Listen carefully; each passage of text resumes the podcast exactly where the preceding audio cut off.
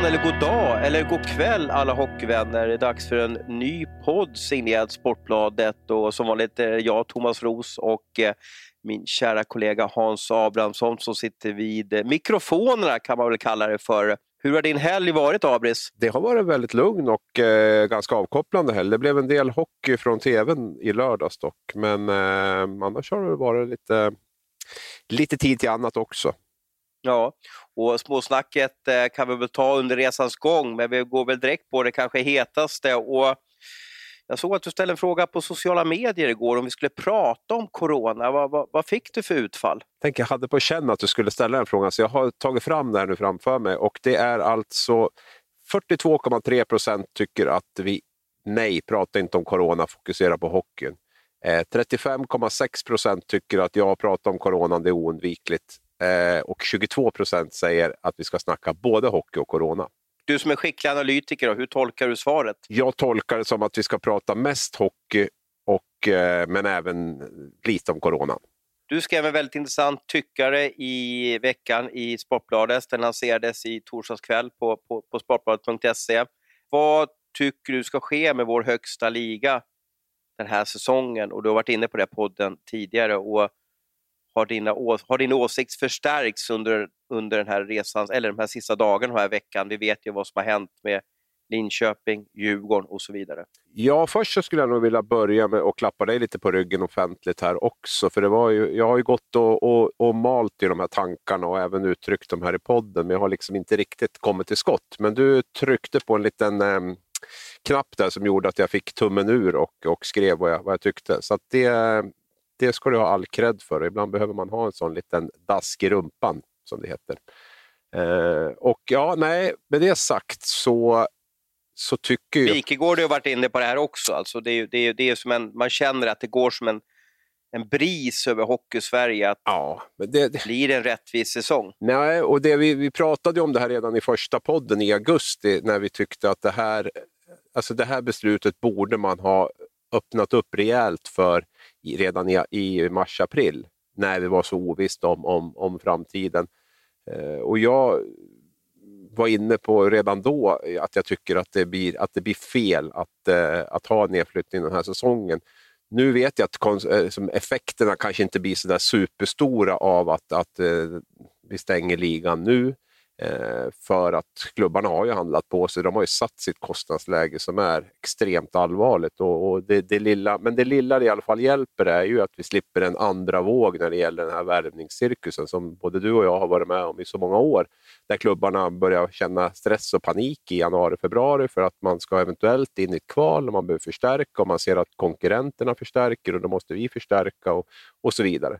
Den skulle man i alla fall slippa. Sen, sen tycker jag också att det vore en symboliskt viktig handling att göra. Att man, att man stänger ner den här säsongen för, från nedflyttning på grund av ja, det, det, totala läget som, som vi befinner oss i. För att det, det känns ganska olustigt tycker jag att hålla på att, att just den här tävlingen som både du och jag älskar både på isen och utanför isen inte minst där klubbarna eh, ja, vem är smartast, vem gör rätt saker, vem plockar in rätt spelare, vem, vem sitter lugn i båten. De här sakerna älskar ju vi.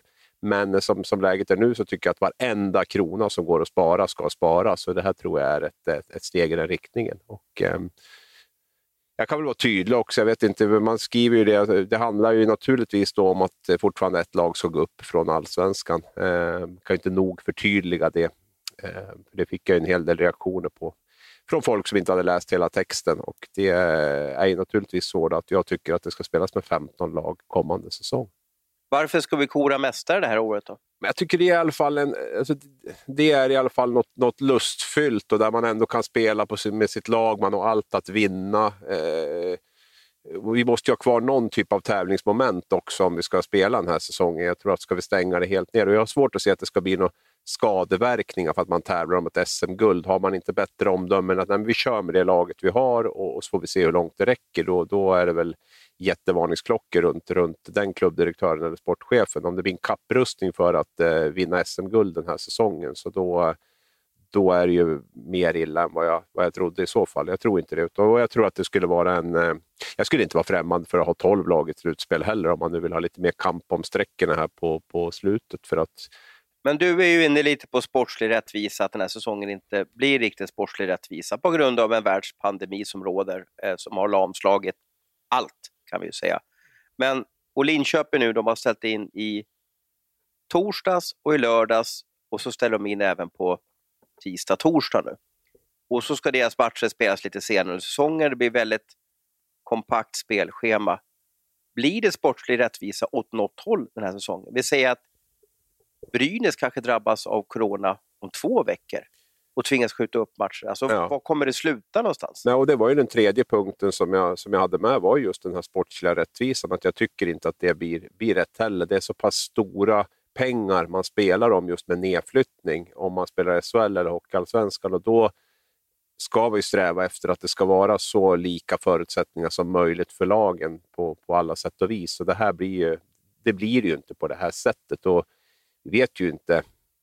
Jag, menar, jag har ju haft corona och jag kan säga att jag fortfarande har, liksom, när jag maxbelastar, vilket jag inte gör så ofta, men när man springer ibland så känner jag ju fortfarande i luftrören och det funderar jag lite grann på hur de här eh, hockeyspelarna, hur det drabbar dem också, på vilket, på vilket sätt, hur, hur återställda blir de? De flesta blir väl säkert fullt återställda, men du kanske har ett par, tre av de här 20 i Linköping som, som, som kommer att ha luftrörsproblem och, och problem med andningen under säsongen. Det, det är klart att skador och sjukdomar kan inträffa en, en vanlig säsong också, absolut. Men, men att det, det här är ett sånt exceptionellt läge. Så att jag, jag, tycker det symboliska, det ekonomiska och även det sportsliga talar för att vi ska inte ha någon nedflyttning. Och det är ju, det är ju många som har ställt den här frågan, som du har gjort också. Varför ska vi spela slutspel? Är det inte bättre att bara ställa in hela säsongen? Eller ska vi införa värvningsstopp? Och det, är ju, det finns ju olika värvningsstopp till exempel skulle ju slå väldigt fel mot de lag där man istället för att stänga ligan neråt vill man ha ett värvningsstopp. Men jag menar, då, då, då sitter man i lite olika situationer i klubbarna. Jag tror det skulle vara svårare att, att, få igenom. Ställa in hela ligan tror jag skulle vara helt omöjligt med tanke på att man är så beroende av tv-pengarna nu när det inte finns några andra intäkter överhuvudtaget. Och eh, slutspelet har jag varit inne på. Det tycker jag ändå är en krydda som, eh, som vi måste ha och se fram emot. Vi kan inte bara måla allt i svart heller, utan vi får ändå hoppas att det blir en, en säsong och att det kan slutföras med ett, eh, ett slutspel när isarna börjar smälta. Det är en väldigt stor fråga och komplex fråga och jag märkte på intresset för, för din krönika här. Eh, den gick alltså över 100 000, vilket är otroligt mycket för en, en artikel och en, en åsikt på, på Sportbladet. Och det, jag kan gissa att det stormade både på dina sociala medier och i din mail, är det korrekt? Det är korrekt. Och det är väl också en sån ja. sak som gör att det kanske är lite svårare att få tummen ur. Samtidigt vill man ju beröra och man vill ju att det engagerar och man vill ju att det ska vara åsikter. Så Sen är det väl alltid en, ja det där vet du också om, att det, är, eh, det kommer en del eh, synpunkter, allt från min sexuella läggning till eh, att man borde begravas någonstans. Samtidigt så är det många som har varit okay. positiva också. Så att, hur, hur tar du sånt där då? Nej, men det, det, man är det är, väl, det är väl som det är. Man, sticker man ut hakan så får man väl vara beredd. Då. Eh, det är ju lite grann så det funkar. Jag vet inte om det är rätt att acceptera det, men det är väl så det funkar kanske om man skriver på en, men det, på en kvällstidning. Det här är ju lite, det är ju lite för hockeyns bästa också, att vi ska väcka ja, ja. ja, ja. folk Nej, men jag kan väl... lyfta blicken. Det är väl det som är grejen. Ja, blir det för jobbigt så får jag väl eh, bli vaktmästare någonstans eller göra någonting annat. Så är det ju bara. Det är väl upp till mig att välja. Man får väl acceptera kanske att det är lite så det ser ut. Och, eh, det är väl det här med stänga ligan som, som blir ett rött skynke för många. Sen om man skriver att det ska flyttas upp ett lag ändå, det är väl inte så många som hinner ända dit. Man borde väl med facit på hand kanske haft det i rubriken eller ingressen i den bästa av världar, i alla fall tidigt i, i brödtexten så att eh, man har fått med det. Men, men eh, ja, nej, men det är, jag, tycker vi, jag tycker det är en viktig del också att skapa opinioner och, och, och sådär. Så att eh, då kan jag ta det negativa som, som följer med också. Det är nog, finns nog de som är mycket mer synd om i, i dessa tider än vad det är om mig det här är en stark åsikt som du hade, men vad tror du kommer ske då? Jag tror faktiskt att det kommer att bli så. Man gör som i Tyskland, man gör som i Schweiz, alltså att det blir som en, en, en våg över Europa. Jag menar, även i Ryssland så åker man inte ur heller, så att det är ju egentligen bara kanske i Sverige, Norge, Finland. Jag vet inte, hur har Norge gjort, du som har bra känningar i Ja, det var så länge sedan jag var där nu så mina känningar har faktiskt försvunnit bort lite. Jag, jag är osäker där, jag vet inte. Jag vet att Tyskland mm. hade väl Det infört... kan ju vara så att Sverige är ett av få länder som har en typ av degradering den här säsongen. Ja, Tyskland skulle ju införa det den här säsongen. Jag tror det var första året de hade det och sen vart det inställt direkt det här med, med degradering på grund av, på grund av det här. Och, eh, så att, nej, men det är väl det är väl sunt på alla sätt och vis och vi vet ju ingenting om, om kommande säsong heller som, som kommer. Eller något. Så det, är väl, eh, det är väl väldigt eh, bra att ta det här beslutet nu kan jag, kan jag tycka under, under hösten. här. Och, eh, om det har varit mycket bättre än perfekt värld skulle beslutet tagit i mars och april. Ja. Egentligen, eller i maj eller någonting. För nu, nu blir det mitten av säsong. Björklöven har, har eh, kämpat på och så vidare. Nu, nu kommer Björklöven kanske få chansen då. Uh, uh, men, och att ta sig upp då, uh, om det inte blir att hela säsongen ställs in. Då. Men, men det blir som lite känsligt också för att nej, de tar ju inte någons plats utan då får de någon typ av gratisplats till den där stora laget som går upp. Och så ska jag väl anta att du vill ha tre lag, eller vill ha två lag som åker ur nästa år då, eller vad är tanken? Allt, allt, handlar, väl, allt handlar väl om eh, vad som händer. Med, det kan ju vara att man fryser det, stannar kvar på 15 lag ytterligare en säsong i så fall. Men, men annars, är det ju, annars är det ju tanken att man ska återgå till 14 lag så, så fort som möjligt. Så då blir, det ju, då blir det ju två lag i så fall som, som tvingas lämna. Då. Och Det här kan väl även appliceras på allsvenskan? Ja. Som jag förstår det så tycker vi att inget lag ska åka ur allsvenskan heller? Nej, absolut. Och det, är ju, det är ju så och det är framförallt att jag fokuserade på SHL i den här tyckaren då var ju att eh, där är ju skillnaden så enormt stor i pengar. Det skiljer ju även lite mellan att spela i Hockeyallsvenskan och Hockeyettan, absolut. Men det är inte sådana astronomiska skillnader som det är mellan, mellan SHL och Hockeyallsvenskan. Jag tycker ju naturligtvis att, att eh, Hockeyallsvenskan också ska, ska göra på samma sätt. Men att det är ju mest akut att göra det i SHL. Och en följdgrej till det här då, som vi pratar om SHL, Corona, Hockeyallsvenskan, är även det som sker idag då, eh, i, i Stockholm när Johan Garpenlöv, vår, vår kära för detta kollega Johan Garpenlöv, då, nuvarande förbundskapten för Kronor, tar ut ett landslag. Jag lider också med Johan för övrigt, en liten, liten en bisats. Alltså, tänk dig hans första säsong som förbundskapten för, för Tre Kronor och så ställs VM in. Eh, allt roligt försvinner, han ska ta ut en trupp nu till Karjala, alla skriker åk inte till Karjala. Eh, VM är planerat att gå, Sveriges grupp ska vara i Belarus och det är ju typ inbördeskrig i Belarus. Alla säger åk inte dit. Och så har vi pandemin som håller på att trasa sönder den här säsongen också. Vilken start han har fått på sin förbundskaptens karriär. Ja, en mardröm kort och gott. Det var som att en förbannelse över, över Garpenlöv. Det var som att när han tillträdde så försvann allt, allt roligt. Ja, och jag vet att han haft lite privata problem där med hans mor som, som gick bort efter en lång sjukdom. Så att jag, jag hoppas att han eh, får några bättre slutår på, som förbundskapten. Han har ju ett OS som kommer upp också i, i Asien 2022. Att det kan bli riktigt roligt och, och, och fyllt av glädje. Men du, eh, min fråga är ju Karjala. Jag hör ju vad du pratar om eh, när det handlar om eh, SHL och så vidare. Men eh, det här med Karjala, ställer du i den här vågen av folk som, som säger åk inte dit? Jag tycker att det känns onödigt, det, det måste jag säga. Det, jag tycker CHL kändes onödigt, eh, ställdes in. Jag tycker också att de här eh, försäsongs, eller försäsongs, men de här turneringarna under säsongen, då, att det är väldigt, väldigt tveksamt om man ska spela dem överhuvudtaget. Nu ligger väl kanske den största ändå skulden, om man kallar, säger så, inom citationstecken på Finland då, som arrangerar turneringen. Eh, Sverige gör väl egentligen bara det man eh, är skyldig att göra och i stort sett skicka ett lag till turneringen. Jag tycker väl grundproblemet är väl att, att eh, Finland ändå väljer att spela Karjala. De har ju haft väldigt hårda restriktioner när det gäller coronan under, under betydligt hårdare än vad, vad Sverige har haft. Och, och, så. Man då tycker att det här är så viktigt, att den här turneringen spelas, det är ju, är ju förvånande. Det är, lite, det är ju lite tv och sponsorsintäkter då är det ju för, för Finska Hockeyförbundet. Det är ju ja. det som ligger i potten. Ja, det har du rätt i. Så är det, absolut. Så att det, jag vet ju inte, de, de är väl större, tror jag. Landslagsturneringarna är större i Finland än vad de är i, i Sverige. Här tror jag inte att det är några jättesummor vi, vi pratar om för, för, för tv-pengarna för svensk del. Då. Men, men, eh, brukar koka i Hartwall där. Speciellt söndagsmatchen där mellan, mellan Finland och, och Sverige. Då, så att säga. Där, där, där är det riktigt utsålt. Då. Den stora intäktskällan är jättesvårt att se att det är något annat än publiken och försäljningen och, och, allt vad det innebär. För det brukar ju vara en hockeyfest i, i dagarna fyra där i, i Finland. Så det är, eh, därför så tror jag också att det är ju långt ifrån någon, någon eh, kassako att arrangera turneringen nu heller, även om man får in får in tv-pengar på det. Så att jag, är, jag är skeptisk och eh, Ryssland skickar sitt tilltänkta JVM-lag, eller i alla fall någon, någon typ av stomme där till, till turneringen. Och, eh, vad jag förstår så tänker Garpenlöv också ta ett väldigt ungt lag och sådär. Men oavsett vilka spelare som man har alltså det, och hålla på och frakta spelare över till olika länder och du kanske får in det. Vi ser hur snabbt det kan gå här som Skellefteå till exempel. Eh, eller Skellefteå, Linköping menar jag, när man är uppe i Skellefteå i alla fall.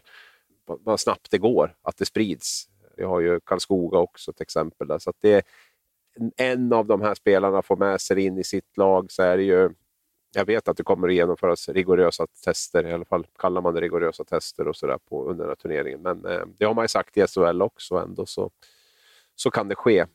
Med all respekt för Garpenlöv och eh, Tre Kronor och, och, allt vad det är och jag förstår hur det brinner i... Liksom, det är tre förbundskaptener som sitter och, och bara hoppas på att hoppa och komma igång och spela, men, men eh, som världsläget är nej, lägg ner. Jag tycker det faktiskt. Jag tror han är jätteless på snacket. Jag drog ett sms till honom, eller jag har nog dragit ett sms till honom varje dag här senaste tiden. Något nytt om Karjala och varje gång så svarar han nej med, med sju utropstecken mm. efteråt. Så att jag, tror att, jag tror att han är väldigt less på att han känner sig lite ansatt av att folk säger att ja, men åk inte dit ungefär. Va? Och det, det är ju lite sådär, det är lite svårt att stå emot de eh, argumenten som, som som läggs in i det hela när man pratar om pandemi, sjukdomar och så vidare. Det, det är så svårt att, att, att liksom säga ja, men jag vill förbereda mitt lag för VM och komma i turneringar och bygga internationellt duktiga hockeyspelare på sikt och så vidare. Det, det känns som att det är så, det är så oerhört oviktigt i den här stora frågan och samhällsfaran som, som är just nu. Ja, det, man vill ju bli uppskattad och att folk är engagerade i det jobb man gör. Det är ju som att om alla skulle säga, säga åt oss liksom att nej, skriv inte en text till. Liksom, lägg ner det du håller på med. Så, så skulle det ju inte kännas sådär jätteroligt. Och det är lite grann det som, som händer med, för Garpenlöv. De här turneringarna har varit ifrågasatt redan innan coronan och det blir ju, de är ju inte mindre ifrågasatt nu. Så att han får ju väldigt mycket sånt emot sig. Det, jag, jag, jag har full respekt för det, men, men, men eh, man måste också säga vad man tycker och jag tycker att det här är eh, helt fel läge att eh, dra iväg. Karl Fabricius har spelat 800 matcher för Luleå Hockey, en, en helt otrolig siffra. Och eh, vad är din spaning över den här eh, supersnälla och, och schyssta killen nu som, som håller på att bli en legendar uppe i Luleå? Ja, det finns väl. Jag, jag, känner honom inte jättebra, men det känns som att han har väldigt, väldigt få ovänner. Det känns verkligen som en sån här helylle, super A-barn eh, på alla sätt och vis. Och det jag mest imponeras av är väl hans... Han spelar ju nästan alltid alla matcher känns det som, varje, varje säsong. Den är ju alltid, alltid förberedd, alltid välkammad, alltid gör sitt på isen.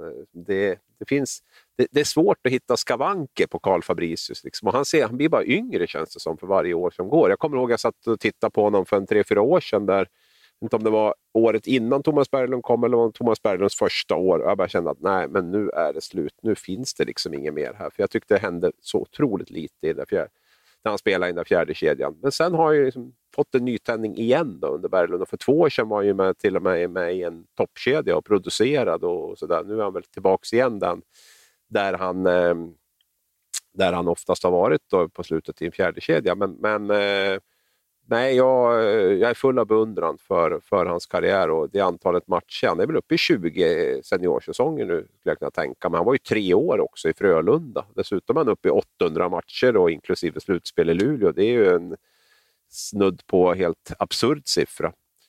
Du är ju grym på det här med, med, med rekord. 14 slutspel. Ja, 14, 14 slutspel. slutspel. Ja, jag räknar att han har 115 slutspelsmatcher eller någonting, tror han har gjort. Och sånt här. Men du som är grym på det där, vad är, vad är toppnoteringen i, det ska vi naturligtvis veta, men vad är toppnoteringen i, SHL-matcher, inte slutspel och sådär? Janne Sandström ja, eller? Är, ja, eh, slog han Roger Åkerström ja, här? Hur blev det med antal matcher? Det tror jag. Ja, precis. Så, ja. så det är väl de två som är topp där och vi får se hur länge Joel och, och vad heter det, eh, Fabricius krigar om, om vem som gör flest matcher. Joel har ju redan signerat för en till säsong. Då. Fabricius är väl lite oklart hur han, hur han gör. Han har väl utgående kontrakt, det har han väl haft i många år. Då. Hans kontrakt går ut 2021 där, eh, precis. Då. Kan det vara så att hockeyspelarna börjar bli som lite i Slovakien och Tjeckien, att de börjar spela längre upp i åren, att den nya hockeyn som inte är så tacklingsfokuserad och, och, inte så mycket skit på isen. Att, man, att vi får se mer Jaromir Jagr Typer, jag tänker åldersmässigt då, i, även i, i SHL. Det är väl två aspekter i det där, för rena spelstilen i sig talar väl egentligen för att det ska vara tuffare att hänga med i och med att allt går så på fart och speed och, och hela den biten nu. Det som finns i den andra vågskålen som talar för det här är väl att eh, spelarna är ju mycket mer professionella idag. Eh, man har liksom, man har jobb, förr i tiden jobbade man ju till och med vid sidan om. Nu har man ju alla möjligheter att liksom verkligen sköta om kroppen, ta hand om sig, sova, träna, stretcha, äta, träna bra. Och sådär. så de som är väldigt seriösa och duktiga som Joel Lundqvist, eh, Carl Fabricius, den typen av spelare och dessutom klarar sig från skador de, de har möjlighet att, att, spela länge. Det tror jag. Samtidigt har vi väl haft spelare som har varit uppåt 40 år tidigare också med Masken Karlsson och Tommy Sjödin och Magnus Johansson kanske var där i närheten också. Så, så det, är, det är inte unikt, men jag, jag, tror att det kanske kommer att ligga på ungefär samma. Jag skulle tro att det är, eh, för, för utmaningen är ju den här höghastighetshockeyn som spelas. För du, blir, du är ju inte snabbare när du är 40 än när du är 22. Så eh, det, är, det, det, är ännu mer imponerande med de här killarna som ändå hänger med och som forward också. Jag tycker att det är lättare som back ändå att spela längre. Och de flesta vi har sett tidigare som har spelat länge och gjort mycket matcher har ju varit, varit backar. Och eh, nu har vi ju både Joel och, och Fabricius, då, 82 år, som, som, som spelar fortfarande. Och det tycker jag gör det ännu mer imponerande. Janne Sandström har med 1047 matcher för övrigt där i, i Petrasek tvåa på 1018. Och Fabricius var uppe i 967 i, inför den här säsongen. Då. Vad har du Åkerström på för notering? 911. Men då var det väl väldigt många av dem i Luleå va? Ja, han precis, hade väl något i Västerås då, också. Han, var med på den här äh, tiden det bara var 36 omgångar ja, om jag minns rätt ja, också. Att, äh, mm. Det spelas ju 52 matcher nu. Eh, du har spelat 55 matcher också i SHL, så det är lite fler matcher nu. Vem tror du slutar sist? Vem håller ut längst? Joel eller Carl? Ja, Joel har ju redan ett år till eh, som han nyligen presenterades för. där. Eh, Fabricius har ju inte det, så det, jag får väl säga Joel ändå. Då. Det är väl inte helt hundra med de tider som är nu och eh, Eh, att, det, blir ett år till för, för Fabricius där, även om det inte skulle förvåna mig ett dugg. Han känns ju lättare i kroppen än, än vad Joel gör i alla fall på det sättet. Men eh, jag får säga Joel då. Jag minns eh, en sista eh, Karlspaning här. Jag minns VM 2008 i Quebec då var vad heter det, Fabricius med, det var hans, hans enda VM. Men det var ett ganska roligt lag där med Fredrik Varg och Stefan Liv och, och de, de mer profil. Nisse Ekman var med, Weinhandel var med minns jag och så vidare. Vi, Sverige tog, Tre Kronor tog inte guld, men det var, det var roligt att hockey-VM gick i Kanada och det, jag tror att Fabricius minns det här VMet med, med, eh, med glädje, för jag tror man hade oerhört kul där i Quebec, eh, eh staden Quebec och provinsen Quebec. Då.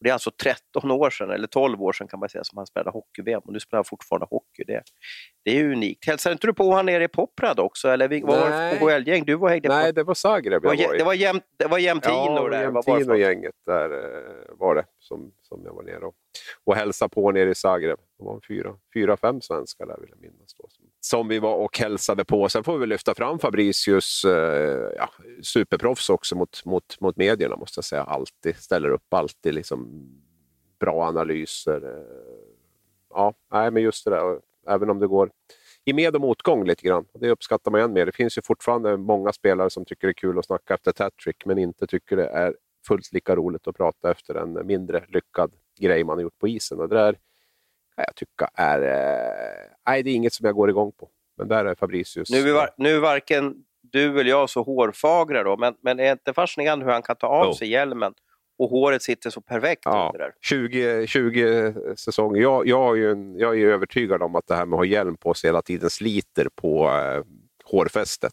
Eh, men inte för han då? Han Nej. måste ju ha någon ja. plats. Nej, men han är, det är som jag säger, det är Mr Perfect. Han är en superman. Det spelar ingen roll om han har hjälm på sig eller någonting. Alltså, han, kommer att ha, han kommer att ha snyggt hår till han är tills han lämnar in, höll jag på att säga. Men eh, jag, tror, jag tror att han kommer att ha den där, den där looken. Och eh, hans alltså ansiktet också. Han ser, han ser nästan yngre ut nu än vad han gjorde när han kom fram när han var 20. Så det är, eh, vi får nog eh, göra ett studiebesök där uppe och eh, se hur han, eh, hur han, vad han har för hemligheter duktig hockeyspelare. Jag minns att vår före detta kollega Emil Lagnelius, Emil Karlsson, hade, hade ofta honom på topp fem i, över SHLs snyggaste hockeyspelare. Det var han och Rudslätt som alltid kom med på topp fem där. Ja, det, och, och Tollefsen ja, exakt. kom med där. Jag tänkte säga Tollefsen vet jag att han har förkärlek till också. Det, Emil. Ja, det är lite...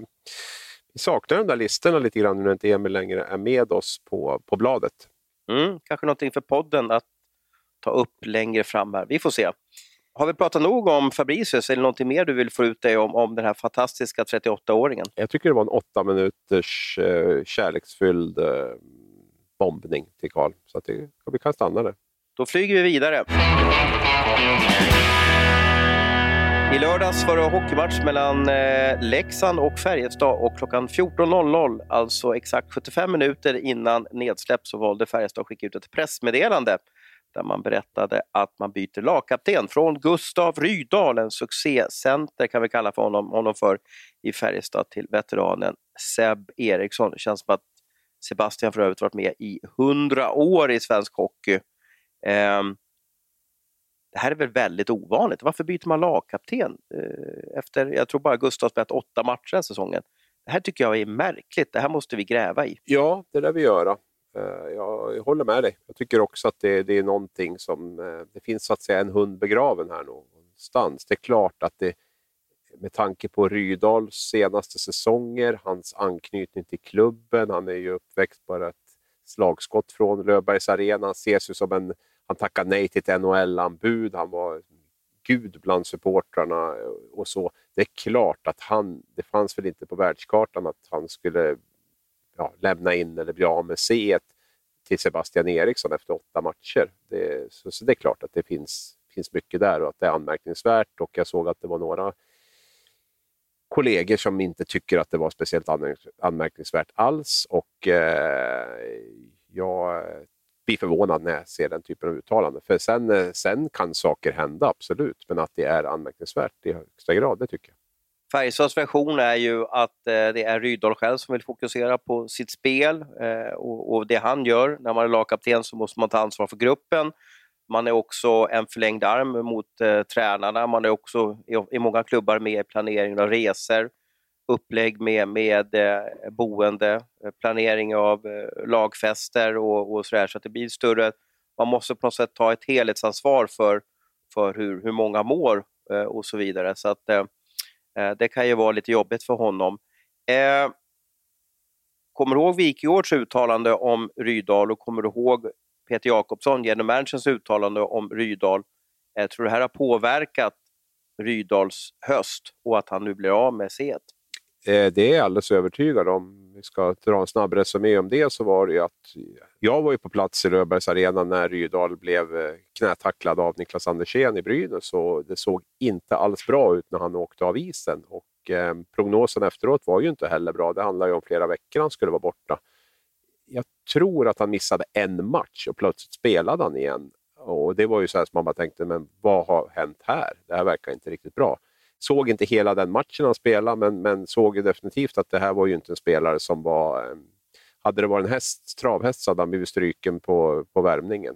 Um, nu spelade han ändå, gjorde ju definitivt ingen av sina bättre matcher. Uh, tyckte knappt han kunde åka, blev rejält sågad av eh, uh, studion för hans agerande och snedtände väl lite efteråt då och, och um, sa väl några välvalda ord, eller mindre välvalda ord om, om Wikegård bland annat och hans avsky mot Färjestad och sådär. Eh, fortsättningen på det var ju att Rydahl i sin tur blev sågad av eh, Peter Jakobsson, då, general managern i Färjestad, på ett sätt som jag tyckte var lite förvånande. För att han hade absolut kunnat kritisera Rydahl, men han hade kunnat sagt det på ett lite annorlunda sätt. Och då kände jag att oj, här hänger general managern ut lagkaptenen på det här sättet. Det måste finnas något mer här. Så det var ju min, de här två sakerna, hans, att han spelade så snabbt efter knäskadan och att han blev dessutom sågad av, av Peter Jakobsson för sitt uttalande, det gjorde att jag började känna att det här nej, det är något konstigt här. Och eh, det har väl inte förstärkts mindre av den här eh, kaptensbytet. Nej, det är ju väldigt ovanligt att man byter lagkapten. Jag, jag minns att Färjestad har gjort det här en gång tidigare. Det var väl, jag tror Rickard Wallin för väldigt många år sedan, men sen kan jag inte riktigt minnas någon klubb som har, som har gjort det här det finns säkert några klubbar som skulle ha mått bra av att göra det. Men ofta så gör man ju mellan säsongerna när man har en, eh, kanske en ny tränare som kommer in och vill sätta sin, sitt stuk, eh, sin agenda och, och kanske har någon favorit. Då. Men mitt under säsongen är det ju väldigt ovanligt. Då. Eh, och det är ju därför också som det var lite stinsligt kan jag väl säga kanske i Färjestad här. För de, eh, vi visste ju om det här ganska tidigt på, på lördagen, eller till och med på, på fredagen. Vi blev lite förhalade i vår publicering och anledningen till det, det var ju att eh, Färjestad ville prata med, ja, med mig då om, om, om hur det här ligger till. Och då valde de att skjuta upp den intervjutidpunkten till efter att de själva kunde skicka ett pressmeddelande. Och det agerandet tycker jag var lite, kanske lite si och så, men det här, gjorde, det här bevisar ju också hur speciellt och anmärkningsvärt eh, det här var. Då. Eh, så det tror jag alla journalister, eller i alla fall alla erfarna rutinerade journalister tror jag måste vara ganska ense om att det, här är ingen vardagsmat i svensk hockey.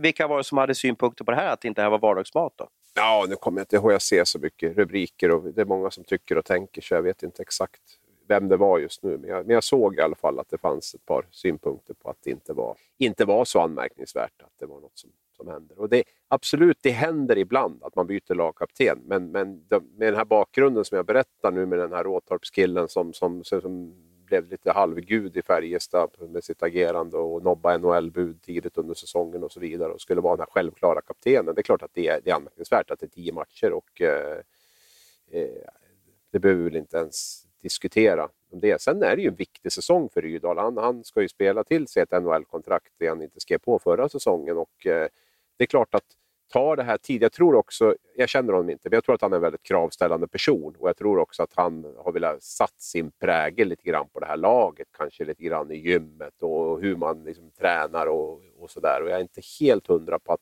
alla i Färjestad har, har liksom köpt den eh, den, den biten riktigt. Så det kan ju säkert ha blivit en liten kollision där också. Han är ju en ganska, eller han är en tjurig spelare på isen. Ganska så här, eh, det är ju ingen som, som lägger fingrarna emellan och åker runt och, och vilar och sådär. Och jag tror också att det är eh, lite så på sidan om och det kanske också har skapat att man tycker att det blir lite jobbigt med, med honom, att han är där och ställer krav och liksom är där och, och, och, ehm, och pressar på för att liksom Färjestad ska träna ännu hårdare. Så att, eh, det kan väl också vara, vara en del i det. Vi, vi, vi, får se hur fortsättningen blir där. Eh, sen kan det väl naturligtvis vara helt okej okay för honom att slippa de här bitarna som du var inne på i början med det här med resandet. Och man ska se till att alla mår bra och det blir mindre tid över till att fokusera på sitt eget. Och är man mitt i karriären som han ändå är så kan ju den biten vara, vara betungande. Han kanske behöver, eh, jag säger ingenting om att det kan vara bättre för honom att, att fokusera fullt ut på sitt spel. Men eh, men någonting har ju, har ju strulat till det för dem. Där under hösten. Samtidigt är det väldigt bra för CV och framtid om man har varit en lyckosam kapten i ett roll. Det ökar ju värdet för spelaren längre fram, det vill säga om man, om man byter klubb. Att ja, man har haft ledarskaps... Han har ledaregenskaper i sin klubb, eller haft det i sin klubb. Han, är, han tar hand om gruppen. Det är ju sådana man vill ha in. Man vill inte ha in alla de här individualisterna, utan man vill ju ha dem som jag menar Joel Lundqvist, tänkte han är ju liksom superkaptenen och det, det, finns ju ett oerhört värde att ha honom då. Så skulle Rydahl lyckas med att, att föra Färjestad framåt så hade hans marknadsvärde ökat fantastiskt mycket, i alla fall i min hockeybok. Då. Ja, jag kan bara hålla med. Det är klart att i den bästa av världar så hade väl det varit det optimala scenariot, att han hade varit kapten säsongen ut och, och lett Färjestad och, och Färjestad hade, hade varit bra. Och eh, det hade naturligtvis gjort, ökat intresset från, från klubbar och sådär. Men, men eh, nu är vi där vi är och det allra viktigaste är väl ändå att han eh, fortsätter att leverera och producera. Och eh, det här kanske är ett sätt att få igång den, den produktionen, för han har ju inte alls varit sig lik under den här hösten. Sen eh, tror jag att han har varit jättehämmad av sin sin, eh, vad jag tror var en knäskada. För att eh, för mig blir det, jag vet inte om han har spelat med något sånt här superskydd eller någonting sånt, men att komma tillbaka så snabbt som han gjorde nej, det, det, det kändes konstigt faktiskt. Tabellen är det viktigaste vi har. SHL-tabellen ska vi fokusera lite mer på nu.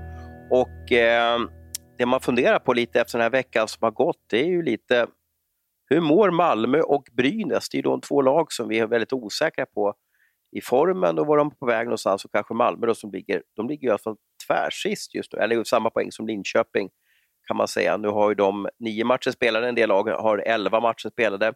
Vi kommer ju ha en haltande tabell till, till, ja, fram till mars känns det ju som. Då. Eh, men Malmö-Brynäs, vad är det för fel i de här klubbarna och lagen? Varför är de inte bättre?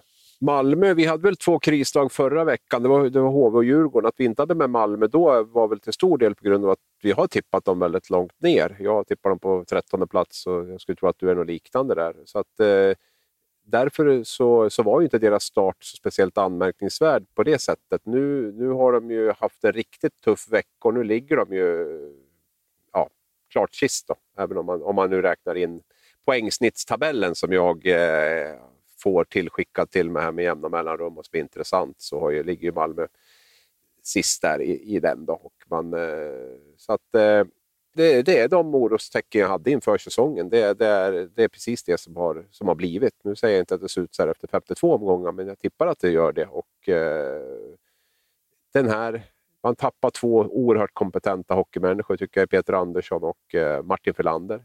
Eh, jag tycker man var lite eh, naiv i, när man värderade sin trupp. Jag tycker inte alls att den var så bra som man trodde att att, som man själv tyckte att den var. Eh, jag tycker också att eh, man skulle vara ett lite mera spelande lag eh, den här säsongen. Spela på ett lite annat sätt ur egen zon, bland annat, med lite fler passningar. Jag tycker inte alls att det, Malmö har ett lag för det, eller en backsida för det, eller en, ett lag totalt för det.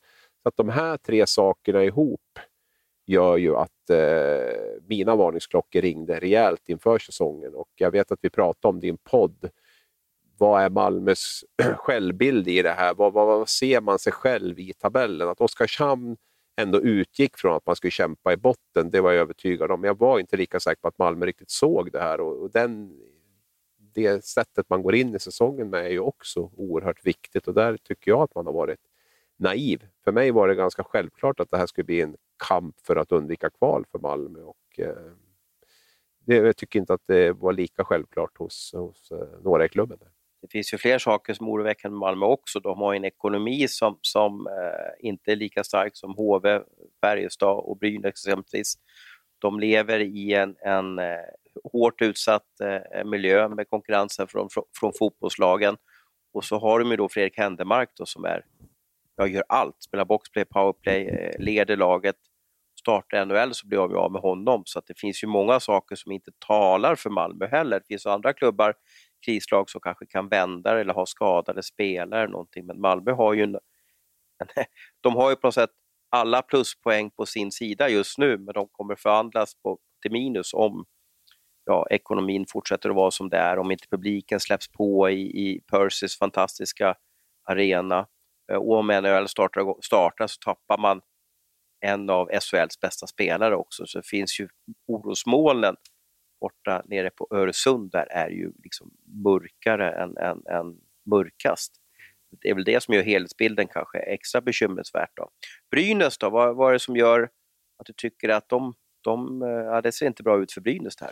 Får jag lägga till en sak med Malmö först bara, lite snabbt? Ja, absolut, eh, det, absolut. det som jag tycker också, Händemark är inne på, jag tycker inte att han riktigt har levererat som han hade hoppats på. Jag tror att han saknar lite grann det här gamla styret i Malmö. Eh, ytterligare en som är är ju Oskar Alsenfelt. Jag menar, han ska ju stå och vinna matchen åt Malmö i Oskarshamn. Den typen av matcher ska men, han men det har han gjort flera år. Jo, Hur länge orkar Nej, men han stod ju inte ens. Jag menar, de har spelat Volder nu de två senaste matcherna och det också sänder ju signal till mig. Vad, vad är det här för någonting? Jag, jag får ju för mig att deras viktigaste spelare, Händemark och, och Alsenfelt, tror jag var en ganska stor omställning det här, det här nya som kommer. Och jag vet inte riktigt hur, hur eh, sålda de är på, på det här och det är ju ännu mer oroväckande i så fall för det är ju de två, två av de absolut viktigaste spelarna i hela serien och jag tycker inte riktigt att eh, de har gått, stått att känna igen under hösten. här. Nu kan vi gå över till Brynäs. Ja, Brynäs där. Det kommer Ja. ju komma ut den här veckan också någon typ av, vad var det vi kallade det för när vi messade varandra, domedagsmail där. Att ekonomin inte är bra. Då vi har skrivit om att de eh, varslat personal på, på kontoret och det har varit lönesänkningar för ja, hela Brynäs koncern, inte bara spelartruppen eh, och, och, och så vidare. Va? Eh, samtidigt har de gjort en del lyckosamma saker som de här privatsponsorskapen där, där man som privatperson går in och blir, ja, eh, skänker pengar varje månad via Swish eller, eller överföringar. Jag tror att fått över, över tusen sy- stycken ja, del, nya delägare, eller vad vi kallar det för, då, på det här sättet. Så att, eh, det är mycket gott som har skett i Brynäs. Men det funkar ju inte på isen. Vi hade ju den här eh, torsken mot HV häromdagen eh, där de torskade med, vad vart det till slut? Hur stora siffror blev det? Det var, det var förvånansvärt. 6-4 och det var ju den här eh, ödesmatchen vi kallar för, för det stod ju och vägde lite. Skulle, skulle Brynäs visa att man, man inte är ett lag i botten eller skulle HV bevisa att man inte var ett lag i botten? Det var ju Brynäs som, som tappade den här matchen då och sen behövde man inte spela mot Djurgården här i helgen eh, och vart spellediga ett tag då. Eh, vart är Brynäs resa på väg någonstans? Man står ju inför en, en tuff ska säga, nystart. Då. Det jag har ju påpekat är att det här, Peter Andersson har ju kommit dit nu och ska försöka sätta någon typ av, av kultur där och det här är ju ganska smärtsamt liksom, stålbad som de behöver gå igenom här nu med, med att förändra allt från, från träningskultur till spelsystem till, till eh, ja, hur man uppträder dagligen. Liksom. Och det, det, det kommer inte att gå av sig själv och det kommer inte att gå fort. Och det, det är den resan man har inlett nu. Sen trodde väl jag ändå att spelet med puck skulle vara lite bättre än, äh, än det har sett ut. För ska man vara rent krass så skulle väl Brynäs ha... Det som är bra med Brynäs den här säsongen är att man har tagit 12 poäng. Det måste man ändå säga är riktigt bra jobbat. För att eh, jag såg både Rögle-matchen på hemmaplan och Skellefteå-matchen på hemmaplan. Och jag, det är sällan man ser ett hemmalag vara så utspelat som de var i de matcherna och fick med sig sex poäng ändå i dem. Hade man inte normalt sett, i ett normalt scenario, så hade man legat nere med Linköping och Malmö på, på sex poäng. Och, eh, så det, det, har ju varit bra, men, men det, alltså de siffror man visar upp, både när det gäller Corsi och när det gäller skott, eh, chanser emot sig och chanser man skapar och, och sådana saker så är det ju, så det är ju på en enormt låg nivå. Och eh, totalt ohållbart över tid. Sen förstår jag också att det har gått ganska kort tid och att, man, eh, att det finns tid att, att rätta till det här. Men, men eh, spelet med puck har ju egentligen bara blivit sämre och sämre lite grann faktiskt. Så man, man har haft svårt att få ihop den här, den här mixen mellan att eh, skapa ny kultur men ändå eh, spela en okej okay hockey. Jag förstår också att det inte kommer att vara att man inte är med och, och, och spelar den bästa hockeyn, men, men, att man ändå kan göra, leverera lite bättre än det här, det är ju det är lite frågan då. Vi har en lagkapten som är avstängd nu i fyra matcher också efter en crosschecking där. Eh, Anton Rudin mm, tänker du på? Som har eh, haft ett knepigt 2020, inte tränat nästan alls på nio månader och först nu börjar komma igång och träna. Och det är klart att det, det går väldigt mycket upp och ner i, i matcherna och mellan matcher och, och, och så. så att då, och nu senast var det ju väldigt mycket frustration skulle jag säga, som, som, som gör att han eh, drar på sig den här grejen. Och det är ju inte heller något...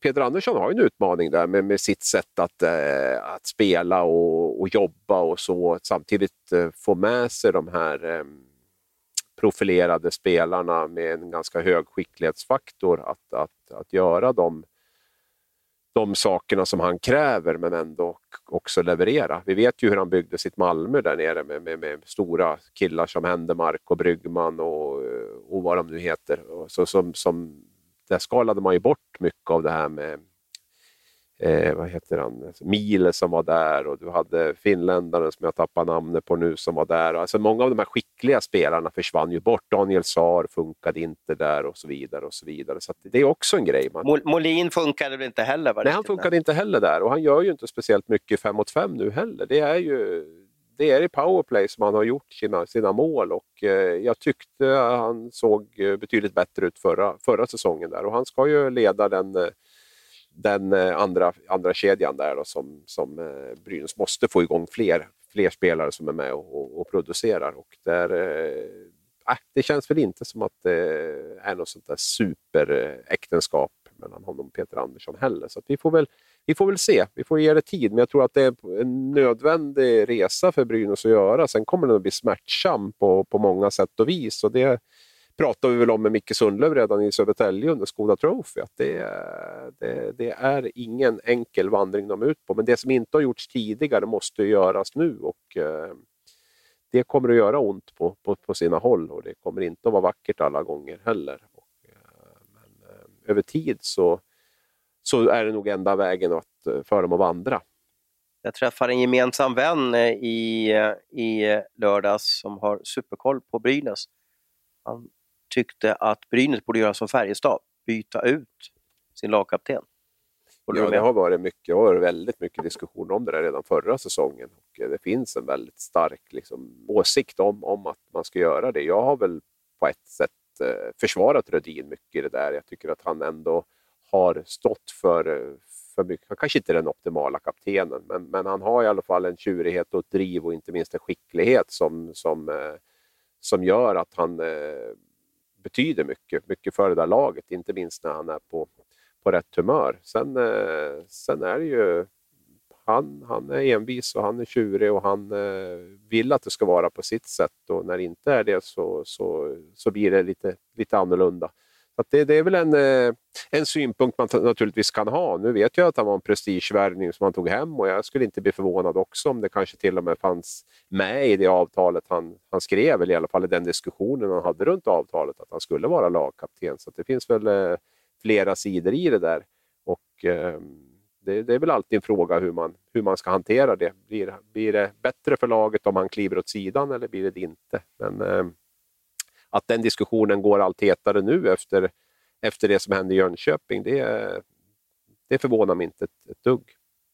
Fast det är tufft att byta kapten, speciellt med, med den status som han ja. har i laget och, och, och, och poängmässigt och så vidare.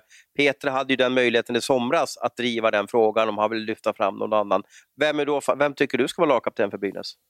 Greg Scott är väl i så fall det namn jag spontant kommer att, kommer att tänka på som, som, som, som ligger närmast i så fall sån som Simon Bertilsson också naturligtvis, som, som, är, som är respekterad av många. Och så, men det är, väl, det är väl någon av de två i första hand som jag tänker på. Vi får se vad som händer. På positiva sidan i tabellen, vi har två lag. Luleå är extremt skickliga också. Eh, Örebro dippade lite mot, mot Färjestad i, i derbyt där kan man kalla det för. Men vi har två lag som, som går som eh, extremt bra i tabellen. Det är Frölunda och Rögle. Och det är, extremt, det är också väldigt roligt att kunna hylla de här lagen, hur, hur spelar rolig hockey, det händer saker och ting. Rögle har gjort 34 mål på 10 matcher, eh, Frölunda har gjort 33 mål på, på 11 matcher. Och det här är ju två lag som kommer att gå väldigt långt om vi spelar ett slutspel i, i vår. Då. Hur ser du på Frölundas senaste vecka? Ja, bra, bra. De har ju en otroligt hög lägstanivå, det måste jag säga. Nu vart det visserligen en förlust, då, men då är det Rögle borta, man förlorar med uddamålet, sent mål i slutminuterna. Och eh, i övrigt så städar man av Malmö enkelt, man vinner. Jag, jag tycker man är bättre än Luleå eh, i den matchen. Även om powerplay till viss del blir, blir avgörande där så tycker jag att eh, Frölunda är, är, är bättre och det är ju ett styrkebesked naturligtvis. Eh, jag tyckte Luleå såg lite blött ut faktiskt stundtals där och eh, Frölunda var, var lite tyngre, lite, lite mer närvarande. Så att de de fortsätter eh, pumpa på. Jag lyfter fram den här höga, höga lägstanivån både i matcher men även i byten, i situationer. Om man skalar ner det ända till små situationer. Och det är, det är lite samma med det andra laget vi kommer att komma in på sen. Att det är så viktigt att du finns där hela tiden och, och eh, gör, vinner de här små, små kamperna, små, små situationerna hela tiden. Och det gör Frölunda där är man bäst i hela, hela SHL på det, på det faktiskt. Och inte minst att få med backarna i, i, eh, i anfallen som jag tycker är kanske den största förändringen i, i Frölundas spel den här säsongen. Eh, och det beror väl delvis på att man har en annan, helt annan typ av backar också. Och vi minns ju vad som skedde för, ja vad är det, ja, snart ett år sedan är väl, i alla fall i, i runt jul eller var det var någonstans där. Eh, eh, vi har ju en speciell relation mellan Frölunda och Luleå sedan länge. Vi har att Roger Rönnberg som tränar Frölunda idag har en eh, lång bakgrund i Luleå. Och då kallade ju Bulan lite hånfullt Frölunda för, för eh, ett bottenlag, så det måste vara extremt roligt och skönt för Frölunda att få, få sätta dit dem med, med 4-1 då. Eh, och jag tycker att man var klart bättre än, än Luleå i, i matchen också. Jag, jag, måste få nämna den här underbara killen Elmer Söderblom där som jag tror han hade eh, hur många avslut på mål som helst bara på, på de här minuterna och fick då. Eh, och eh, vi, Roselli öste på också. Det är ganska kul lag att se också. Det händer mycket i alla kedjor i det här laget. Då. Det, det, eh, man har ju inte favoritdrag riktigt där ute, men, men, men Frölunda är ett lag som man, man vill att de ska spela länge hela, hela säsongen. Då, för det, det, det finns profiler nästan på varje eh, position. Där. Stefan Elliot gjorde en fantastisk match där Jesper Sellgren, jag vet inte om det var hans första mål för säsongen också. Men det, äh, det, det, de har fått ihop en riktigt bra grupp där. Vi, vi hyllade ju dem även för några veckor sedan vet jag. Då nämnde ju i alla fall jag tror jag var att de hade en ny mental rådgivare och det verkar som att den här tjejen har gjort underverk med, med hela gruppen och, och bygget. För nu verkar det som att alla drar åt exakt samma håll. Och kan det vara en Lash-effekt vi ser?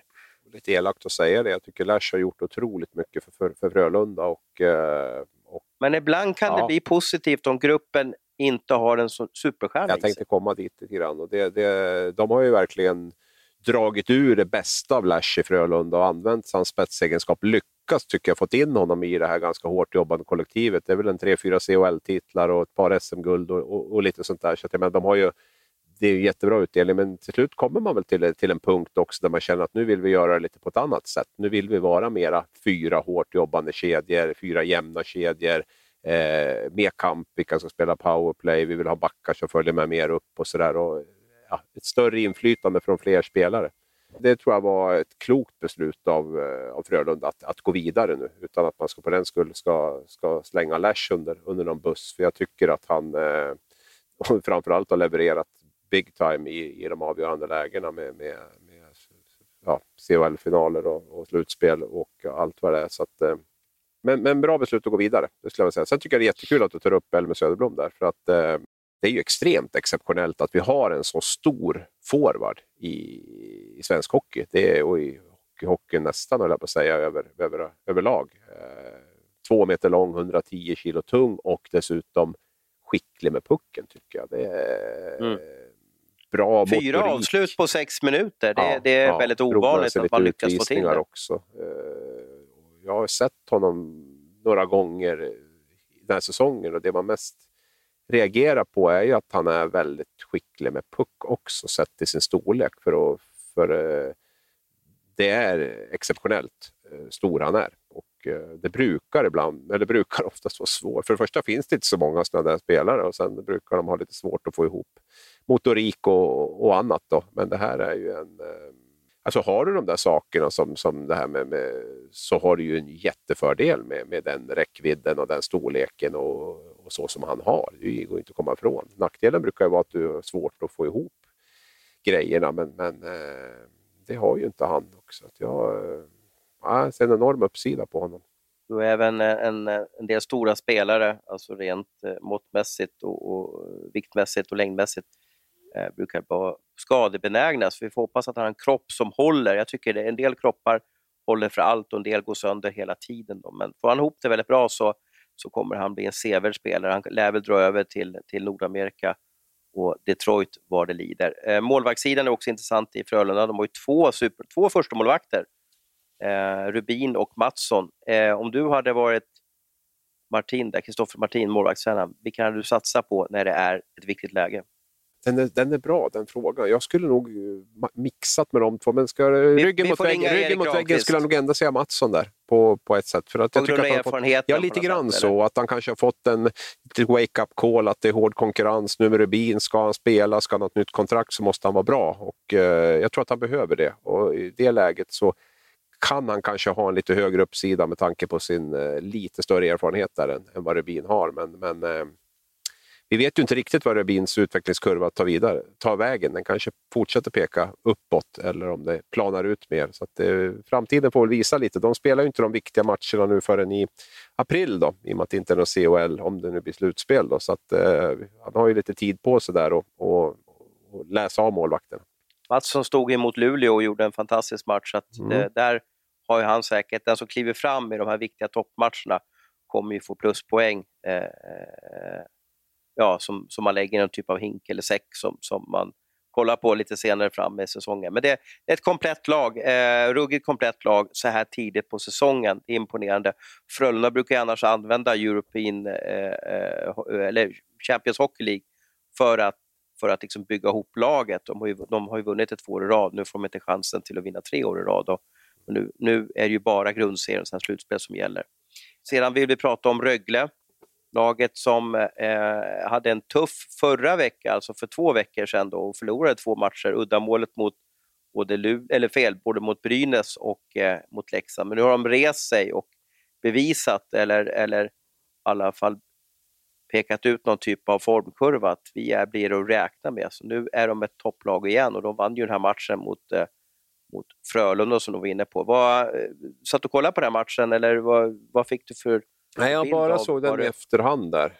Det var mycket matcher. Det var i torsdags det tror jag. Va? Så att jag satt och kollade på lite annat då. Jag hade lite fokus på HV då i torsdags. Ehm, så att, nej, men jag, jag tycker det är kul också att vi lyfte fram dem förra veckan efter två förluster och vi ändå sa att det här spelet måste bära till, till poäng och sen går man ut och städar av två topplag, i Fröl eller städar av, när man vann mot två topplag, Frölunda först och sen Skellefteå borta, är ju ett jättestyrkebesked och det förstärker väl bara känslan av att eh, Rögle har något jättebra på gång.